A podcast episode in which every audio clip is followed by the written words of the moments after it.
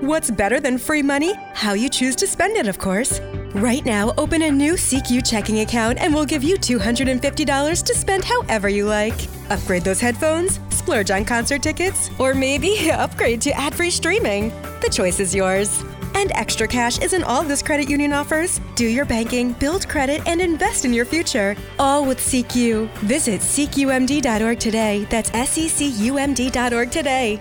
Witam wszystkich słuchaczy w podcaście Władcy Wiatrów. Dziś zapraszam do tematu kontroli na pokładzie jachtów morskich.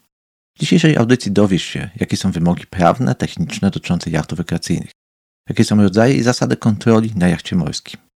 A już w następnym opowiemy o dobrych praktykach i poradach dla stajników żeglarzy. Zatem zapraszamy do podcastu. Kapitan Adam Jakubczak, podcast Władcy Wiatrów.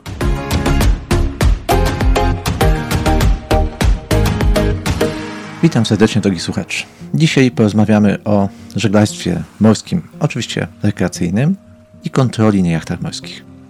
Łatwo się domyśleć, że żeglarstwo to nie tylko przyjemność i relaks, ale też odpowiedzialność i obowiązek. I aby cieszyć się bezpiecznym i udanym rejsem na morzu, należy zadbać o odpowiednie wyposażenie, dokumentację i kwalifikacje, oczywiście jachtu i załogi. W naszej audycji dowiecie się, jakie są wymogi prawne, techniczne dotyczące jachtów rekreacyjnych, jakie są rodzaje i zasady kontroli na jachcie morskim, jakie są też dobre praktyki i porady dla stajników i żeglarzy. Choć tym tematem zajmiemy się już w drugiej części tego podcastu, bo temat jest na tyle obszerny, że na pewno nie zmieścimy się w tym naszym domyślnym, wyznaczonym limicie 30 minut na podcast. A zatem zaczynajmy. I zacznijmy od podstaw. Co to jest jacht rekreacyjny? Według ustawy o bezpieczeństwie morskim jacht rekreacyjny jest to jednostka pływająca o długości do 24 metrów. która nie jest przeznaczona też do celów zarobkowych, a służy wyłącznie do celów sportowych lub rekreacyjnych. Tutaj warto dodać, że tak zwane żeglarstwo komercyjne-rekreacyjne, czyli jachty rekreacyjne, na których stajnik lub też ich właściciel zarabia za prowadzenie tego rejsu, mieści się również w tej regule jachtów rekreacyjnych, bo to jachty rekreacyjne, które prowadzą rejs komercyjny. Jednak nadal jest to jacht rekreacyjny. Zgodnie z ustawą jacht rekreacyjny powinien być napędzany silnikiem, żaglami lub oboma z tych sposobów lub też jednym z nich oczywiście. Jacht rekreacyjny może być własnością osoby fizycznej lub też prawnej. Oczywiście może być też odpłatnie udostępniony przez armatora bez załogi, czyli tak zwany wyczarterowany. Jacht rekreacyjny, podobnie jak każda inna jednostka pływająca, podlega obowiązkowi rejestracji. A sama rejestracja jachtu jest niezbędna by uzyskać dokument potwierdzający prawo własności i przynależność państwową jachtu. Rejestracja jachtu jest również wymagana, jeśli chcemy pływać poza terytorium Polski. Niezależnie od wielkości i mocy jachtu. Rejestracja odbywa się w urzędzie morskim właściwym dla miejsca zamieszkania lub siedziby właściciela lub armatora jachtu. Do rejestracji potrzebne są następujące dokumenty. Dodam osobiście, że powstał internetowy projekt, nazywa się RIA, za pomocą którego możemy online dokonać wielu czynności związanych z rejestracją jachtu, już sam dokument trzeba odebrać osobiście, ale większość czynności prawnych, które zajmowały nam wcześniej kilka wizyt w tychże urzędach, możemy zrobić online. Takimi czynnościami zajmuję się również ja i moja żona, więc jeżeli będziecie mieli z tym problem, zapraszam, zgłoście się do nas, na pewno Wam pomożemy. Ale teraz, jakie potrzebne są dokumenty do rejestracji jachtu? Po pierwsze, wniosek o rejestrację. Po drugie, dowód tożsamości właściciela lub armatora jachtu. Następnie potrzebujemy dokument potwierdzający nabycie jachtu, np. umowa kupna, sprzedaży, faktura, umowa darowizny, spadek i jakakolwiek inna. Dokument potwierdzający zdolność jachtu do pewien żeglugi, np. świadectwo budowy, świadectwo kwalifikacji, świadectwo przeglądu technicznego. Problem pojawia się, jeżeli chcemy zarejestrować jacht bardzo stary, którego dokumentu nabycia nie mamy. Jachty tego typu są już dawno nieprodukowane, nietworzone i nie ma planów konstrukcyjnych spełniających pewne normy ISO. Takich jachtów praktyce nie da się zarejestrować. Koszt rejestracji po prostu może być wyższy niż prawdopodobny koszt zakupu takiej jednostki. Dlatego nim pozwolicie sobie na kupno jakiegoś strasznego timera, gdzieś leżącego w garażu albo w stoczni, zgłoście się do nas. Chętnie Wam pomożemy, bo być może da się to zrobić, a być może nie jest to gra warta świeczki. Te, które wymieniam, mogą mieć różną postać, powinny być w języku angielskim, ale też powinny być przetłumaczone na język polski i to ma być tłumaczenie formalne, sądowe. Oprócz tych wymienionych dokumentów należy jeszcze przedłożyć oświadczenie o wyborze portu macierzystego dla jachtu oraz dowód opłat, wniesienia opłat skarbowych, które są wymagane. Rejestracja jachtu jest jednorazowa i nie wymaga odnawiania, chyba że zmienią się dane dotyczące jachtu lub jego właściciela. W przypadku zmiany danych należy zgłosić to do Urzędu Morskiego w przeciągu 14 dni i dokonać stosownych wpisów w dokumencie rejestracyjnym, zmienić go. Przypadku sprzedaży, zniszczenia lub utraty jachtu należy zwrócić dokument rejestracyjny do Urzędu Morskiego w czasie nie przekraczającym 30 dni. Nawet utrata tego dokumentu wymaga zgłoszenia. Ale co ciekawe, warto pamiętać, że rejestracja jachtu jest ważna tylko wtedy, gdy jest on prawidłowo oznakowany, zgodnie z przepisami. Oznakowanie jachtu polega na umieszczeniu na jachcie następujących elementów. Po pierwsze, nazwa jachtu na dziobie z każdej burty i na rufie. Port macierzysty i numer rejestracyjny pod nazwą na rufie. Flaga państwowa na maszcie lub też na rufie. Nazwa jachtu powinna być czytelna i trwała, o wysokości co najmniej 10 cm i nie może być taka sama jak nazwa innego jachtu zarejestrowanego w danym kraju, czyli w naszym wypadku w Polsce. Port macierzysty to miejscowość, w której jacht ma swoją siedzibę lub stałe miejsce postoju. Numer stacyjny składa się w Polsce po pierwszej z litery P oznaczającej Polskę i sześciu cyfr. Flaga państwowa powinna mieć proporcje 5 na 8 i być odpowiednio wymiarowana w zależności od wielkości jachtu. Niestety bandery, których używamy na jachtach morskich, to nie są typowe flagi morskie, to flaga wyposażona również w znak orła polskiego na jej środku. One niestety ulegają zniszczeniu, tak zwanemu wywijaniu. Flaga powinna być godna, zatem nie może być trwale zniszczona. Oczywiście nie należy i nie mamy obowiązku wymieniania jej co kilka tygodni po każdym sztormie. Jednak zniszczenie trwałe tej flagi i pływanie z taką właśnie zniszczoną flagą jest niegodne na żeglarza i podlega również karom i warto o tym pamiętać. Zatem nie pływa się do momentu, kiedy flaga zniknie, bo w pewnym momencie wiatr zabiera jej fragmenty, tylko pływa się do momentu nie dłużej niż to wywijanie flagi, jej ucieczka, zniszczenie dociera nie dalej niż do godła polskiego. Oczywiście wcześniej też możemy ją wymienić na nowszą i też warto pamiętać, że zgodnie z dobrą praktyką żeglarską flagi bandery jachtu nigdy nie wolno wyrzucić ani spalić. Powinno się ją przechowywać, a dobra praktyka wskazuje, że oddaje się to jakiejś zaufanej osobie na pokładzie jachtu, która będzie już do końca życia jej i jego darzyć ją szacunkiem. Cel oznakowania jachtu jest nie tylko obowiązkiem, ale też przywilejem. Oznakowanie świadczy o tożsamości i przynależności, a także o uprawnieniach do żeglugi pod ochroną danego państwa. Oznakowanie jachtu jest również ważne dla celów komunikacji i identyfikacji na morzu zwłaszcza w sytuacjach awaryjnych i podczas kontroli. Kontrole na jachcie morskim to temat, który budzi wiele emocji i pytań wśród żeglarzy. Stąd też często pytaliście nas o to w korespondencji do nas. Dlatego też ten podcast dla Was powstał. Kontrola na jachcie morskim może być przeprowadzona przez służby i organy w zależności od regionu i celu żeglugi. Kontrola może mieć charakter prewencyjny, rutynowy, doraźny lub interwencyjny. I za chwilę to wszystko wytłumaczę. Kontrola na może dotyczyć zarówno stanu technicznego i wyposażenia jachtu, jak i dokumentacji i kwalifikacji prowadzącego i załogi. A zatem zaczynajmy. Kto może ją przeprowadzić? Podstawowym organem, który może przeprowadzić kontrolę na jachcie morskim jest Urząd Morski. Sprawuje nadzór nad bezpieczeństwem żeglugi i ochroną środowiska morskiego na obszarze morskim, wód wewnętrznych i terytorialnych Morza Rzeczpospolitej Polskiej. Urząd Morski może przeprowadzić kontrolę na jachcie w celu sprawdzenia, czy jacht spełnia wymagania techniczne i przepisy żeglugowe oraz czy posiada ważne dokumenty stacyjne oraz oczywiście ubezpieczenie. Urząd Morski może również przeprowadzić kontrolę na jachcie w celu sprawdzenia, czy załoga posiada odpowiednie kwalifikacje i uprawnienia do prowadzenia jednostki oraz czy przestrzega przepisów dotyczących bezpieczeństwa i porządku na morzu. Urząd Morski może również przeprowadzić kontrolę na jachcie morskim w przypadku podejrzenia że jacht narusza przepisy prawa morskiego. Jakie to podejrzenia? Na przykład, że jacht popełnia wykroczenie, przewozi nielegalne towary, zagraża bezpieczeństwu lub środowisku. Tego typu podejrzenia muszą być poparte przesłankami stanowiącymi początek dowodu. Nie można kontrolować dowolnego jachtu na podstawie irracjonalnych podejrzeń i takie rzeczy się nie dzieją. Nie mamy co się tego obawiać. Urząd Morski może przeprowadzić kontrolę na jachcie za pomocą swoich jednostek pływających, śmigłowców, chociaż tym to trochę w Polsce słabiej, we współpracy z innymi też służbami, takimi jak Straż Graniczna, Służba Celna, Policja, Straż Pożarna czy Państwowa Inspekcja Sanitarna. Trochę tego jest. Jednak warto nie zapominać, że Urząd Morski może przeprowadzić inspekcję i kontrolę na morzu, w porcie, w marynie, w przystani lub też na kotwicowisku. Sami urzędnicy mają prawo wejść na pokład jachtu, dokonać oględzin, sprawdzić dokumenty i wyposażenie, zabrać próbki, zatrzymać jacht lub nałożyć na jacht karę. Urząd Morski ma obowiązek poinformować cennika o celu i podstawie prawnej kontroli, a także wystawić protokół z kontroli. którym należy podać wyniki, wnioski i ewentualne zalecenia po kontroli. Stenik jachtu, co ważne i należy to wysłuchać, ma obowiązek podporządkowania się żądaniem Urzędu Morskiego, udostępnić wszelkie niezbędne informacje i dokumenty.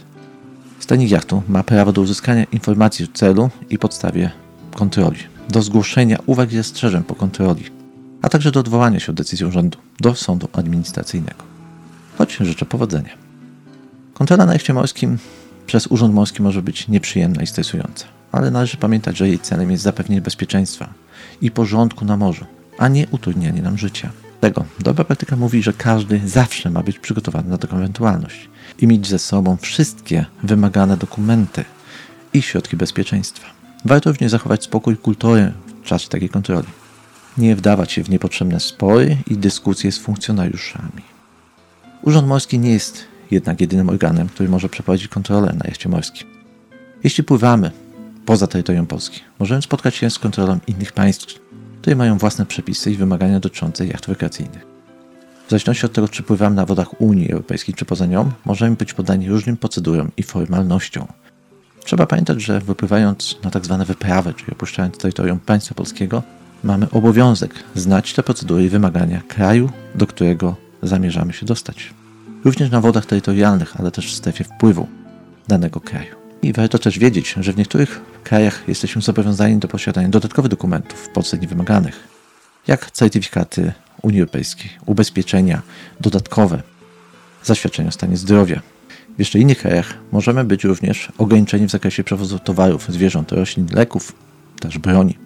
A w jeszcze innych krajach naprawdę jesteśmy narażeni na ryzyko kradzieży, piractwa, terroryzmu.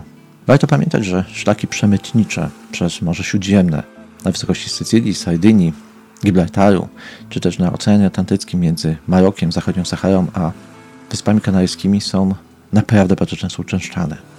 Sytuacje, kiedy jachty rekreacyjne podejmują na pokład emigrantów czy też rozbitków, bardzo często kończą się sytuacjami zagrażającymi życiu i zdrowiu nie tylko emigrantów i rozbitków, ale też obecnych na pokładzie jednostki. Niecałe dwa miesiące temu jedna z jednostek żeglugi wielkiej, konwencyjnej, statek handlowy, przejął na pokład jachtu grupę emigrantów na Oceanie Atlantyckim. Zaledwie po kilku godzinach z nożem pod gardłem zmienili kierunek płynięcia statku i skierowali się w kierunku, którego zażądali podjęci z wody emigranci. A nie jest to odosobniony przypadek. To bardzo skomplikowany temat, którego podczas tego podcastu nie będziemy omawiać, jednak warto o tym pamiętać. Mamy obowiązek znać bezpieczeństwo na morzach i akwenach, po których się poruszamy. Dlatego planując rejs po wodach obcych, warto wcześniej zapoznać się z obowiązującymi tam przepisami, zwyczajami, a także zabezpieczyć jak i załogę przed zagrożeniami. Warto również korzystać z oficjalnych i sprawdzonych źródeł informacji, takich jak strony internetowe Ministerstwa Spraw Zagranicznych, urzędów morskich, ambasad, konsulatów, organizacji żeglarskich formalnych.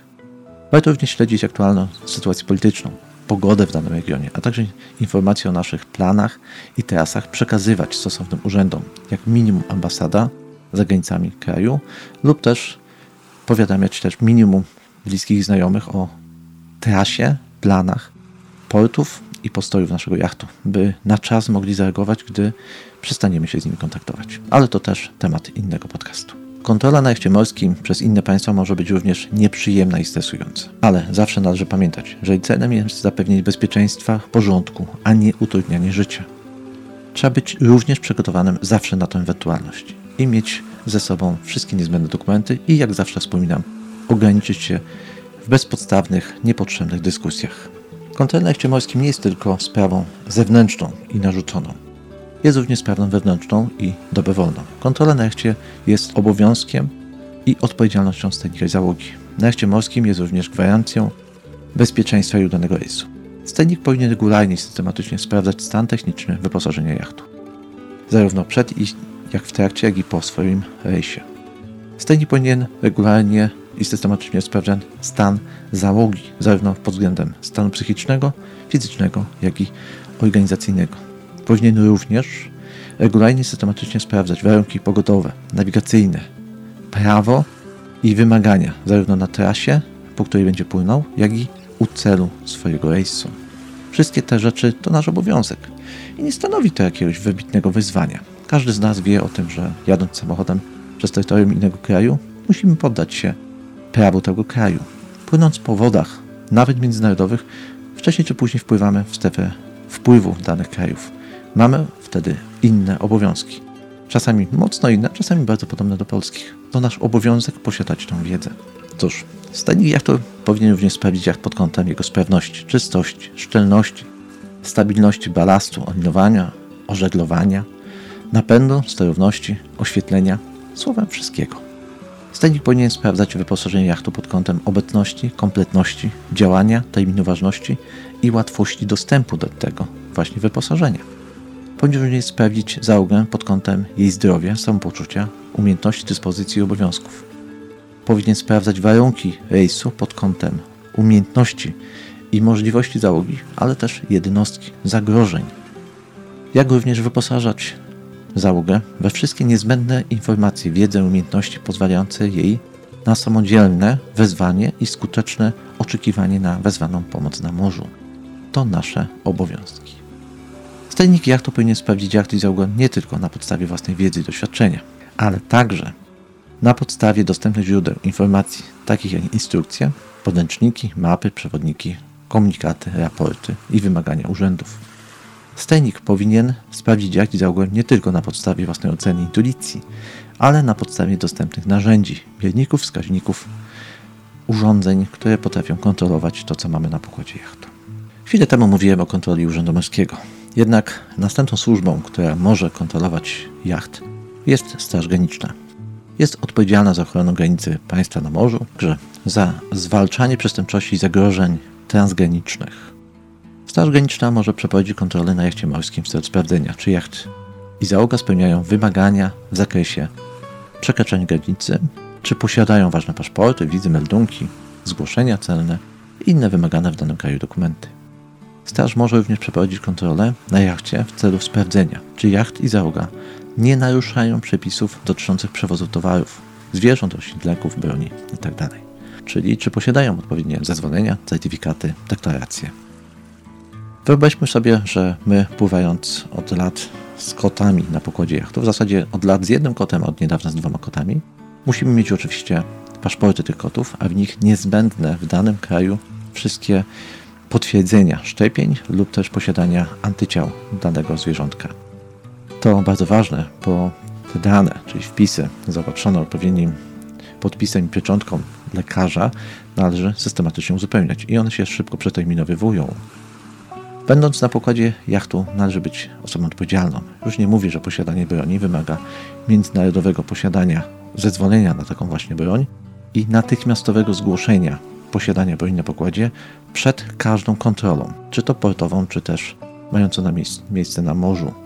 Ale właściciele broni uczą się tego, gdy występują o tego typu uprawnienia, więc myślę, że tą wiedzę posiadają. Straż Graniczna może również przeprowadzić kontrolę na jachcie w przypadku podejrzenia, że jacht załoga są zaangażowani w nielegalne działania, jak przemyt, handel ludźmi, terroryzm. Niestety, jeśli od zeszłego roku nic się nie zmieniło, bo taka cena była w zeszłym roku, to za nielegalny przemyt jednej osoby z Afryki do Europy płacano kapitanowi jachtu od 1000 do 1500 euro. Nawet nie trzeba było tej osoby dostarczyć do portu. Wystarczyło kupić w Decathlanie mały pontonik, zwodować go na 100 metrów przed brzegiem, przerzucić przemycane osoby do tego pontonu i odesłać na ląd. Łatwe pieniądze, ale to przestępczość.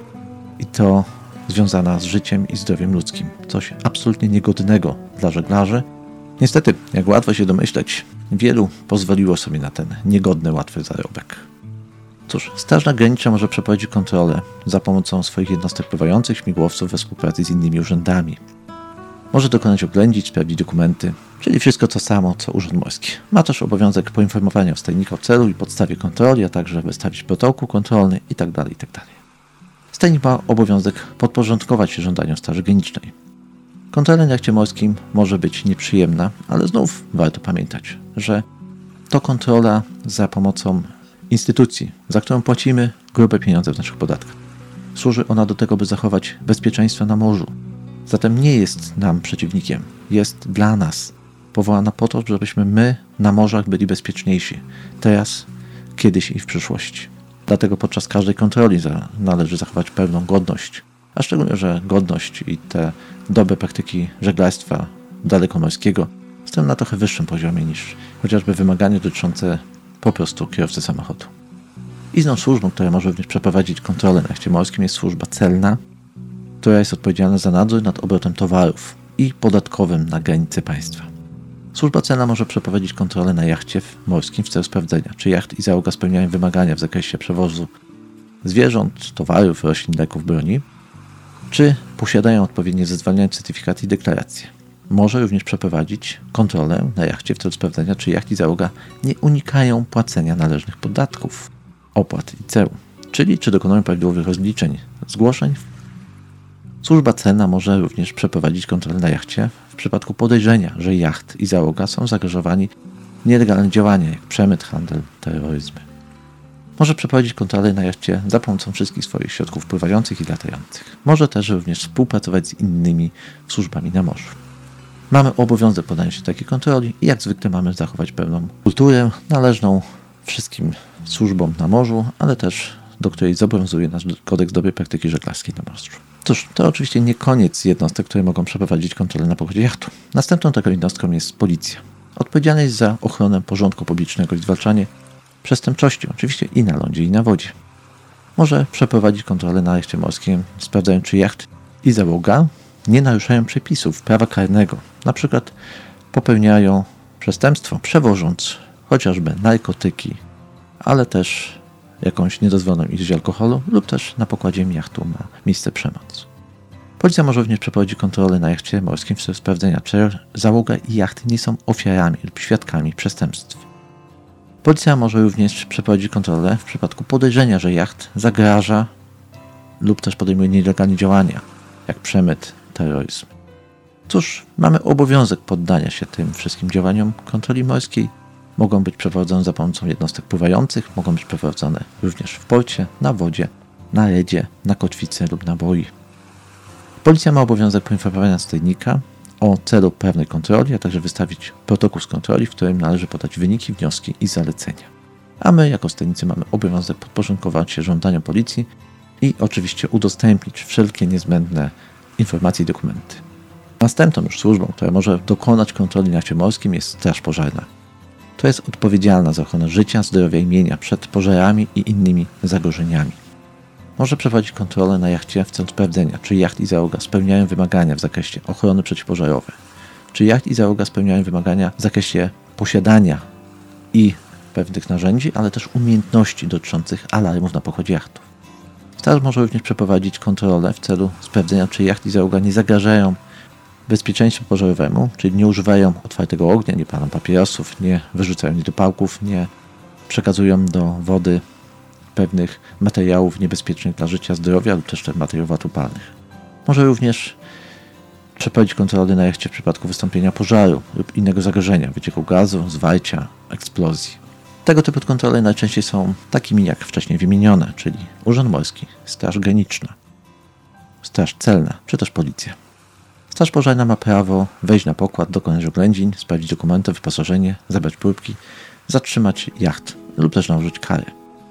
Ma obowiązek, podobnie jak wszystkie inne, poinformować stajnika o podstawie prawnej kontroli, wymienić również zalecenia, ewentualnie wnioski i oddać protokół kontrolny. Stajnik, jak zawsze, ma obowiązek podporządkowania się żądaniom i udostępnić wszelkie niezbędne informacje i dokumenty. A teraz już ostatnia służba, która może przeprowadzić kontrolę na jachcie morskim. Jest to Państwowa Inspekcja Sanitarna, która jest odpowiedzialna za ochronę zdrowia publicznego i zwalczania chorób zakaźnych. Może przeprowadzić kontrolę na jachcie morskim w celu sprawdzenia, czy jacht i załoga spełniają wymagania w zakresie higieny, sanitarności i profilaktyki, czy posiada odpowiednie środki czystości, dezynfekcji i ochrony osobistej. Może również przeprowadzić kontrolę na jachcie morskim w celu sprawdzenia, czy jacht i załoga nie są zarażeni i nie chorują na choroby zakaźne lub nie są ich nosicielami, jak na przykład COVID, ale też na przykład gruźlica, czy też inne choroby zakaźne. Państwowa Inspekcja Sanitarna może nie przeprowadzić kontrolę w przypadku wystąpienia epidemii. Wtedy może przeprowadzić kontrolę na wszystkich jednostkach. Może przeprowadzić kontrolę na jachcie morskim za pomocą swoich jednostek pływających, śmigłowców, ale jak łatwo się domyśleć, nie posiada takich jednostek, więc robi to zawsze we współpracy z innymi służbami. Ma prawo wejść na pokład, dokonać oględzin, sprawdzić dokumenty i wyposażenie, zabrać próbki, zatrzymać jacht i nałożyć karę. Ma obowiązek poinformowania stajnika o celu i podstawie pewnej kontroli, wystawić protokół z kontroli, w którym należy podać wnioski i ewentualne zalecenia. My oczywiście mamy obowiązek poddania się tym wszystkim żądaniom, przekazania niezbędnych informacji i dokumentów. Jak widać, instytucji, które mogą dokonać kontroli na pokładzie jachtu jest sporo. Jednak każdy dobry stajnik, armator wie o tym, że nie robimy tego po to, by przejść prawidłową kontrolę. Znaczy, nie robimy tego, co mamy obowiązek zrobić, tylko po to, by być odpowiedzialnym, by zachować bezpieczeństwo i nie narażać życia i zdrowia nikogo na morzu. Jednak jakie są dobre praktyki morskie związane z tym, jak przygotować się do tego typu kontroli? Bo, jak łatwo się domyślić, są stresujące i kary nakładane na jachty są dość częste, a nie sporadyczne. Ponieważ wielu z nas zaniedbuje pewne czynności cywilnoprawne, do których mamy obowiązek, lub też nie dopełniamy ich chociażby w sposób nieformalny, nie przekazując pewnej wiedzy i umiejętności na pokładach jachtów. O tym zatem, jakie są dobre praktyki morskie służące do przygotowania się do kontroli na morzu, w porcie, na redzie, boi lub kotwicy, już w następnym podcaście, na który z serca zapraszam. A dziś jeszcze raz serdecznie dziękuję za wysłuchanie tego dość formalnego podcastu, jednak zdecydowaliśmy się na niego po wielu pytaniach naszych słuchaczy, bo jak to często mówię, zachęcam Was serdecznie. Jeśli macie jakiś temat, którym chcielibyście, żebyśmy się zajęli, przekażcie go nam. W miarę możliwości przygotujemy się do tego, bo podejście do każdego tematu wymaga od nas oczywiście pracy z przygotowaniem danego tematu, z prześledzeniem dostępnych informacji, ale też dostępnych praktyk morskich, dobrych praktyk morskich związanych z danym tematem. Dziś już serdecznie Wam z serca dziękuję. Bardzo dziękuję Wam również za to, że nas słuchacie. Jeśli podcast Wam się podobał, poprosimy o 5 gwiazdek na Spotify'u, kciuk w górę na YouTubie i przede wszystkim o subskrypcję. Dzięki Waszym działaniom nasz kanał trafia do coraz większej ilości ludzi i co zaskakujące, możemy aktywnie zmieniać złe praktyki morskie na dobre. Możemy również odczarowywać pewne mity na morzu, które dotyczą wielu załóg, jednostek, wielu akwenów, a są dla nas niebezpieczne. Dziś dzięki Wam mamy nadzieję, że zmieniamy żeglarstwo na to lepsze, bezpieczniejsze i za to z serca Wam dziękuję, ponieważ ja też żyję na morzu, jak wielu z naszych słuchaczy, razem z żoną i córką. Zatem, gdy żeglarstwo jest bezpieczniejsze, to moja rodzina też jest bezpieczniejsza. A zatem jeszcze raz z serca dziękuję za udział w podcaście. Zapraszam już niebawem, czyli w tym tygodniu, na następny odcinek. A osobiście życzę wszystkim słuchaczom zawsze stopy pod kilem, zawsze dobrych wiatrów i tylko takich przygód, o których możecie opowiadać całą prawdę, tylko prawdę i to z podniesionym czołem. Ahoj słuchacze i podróżnicy.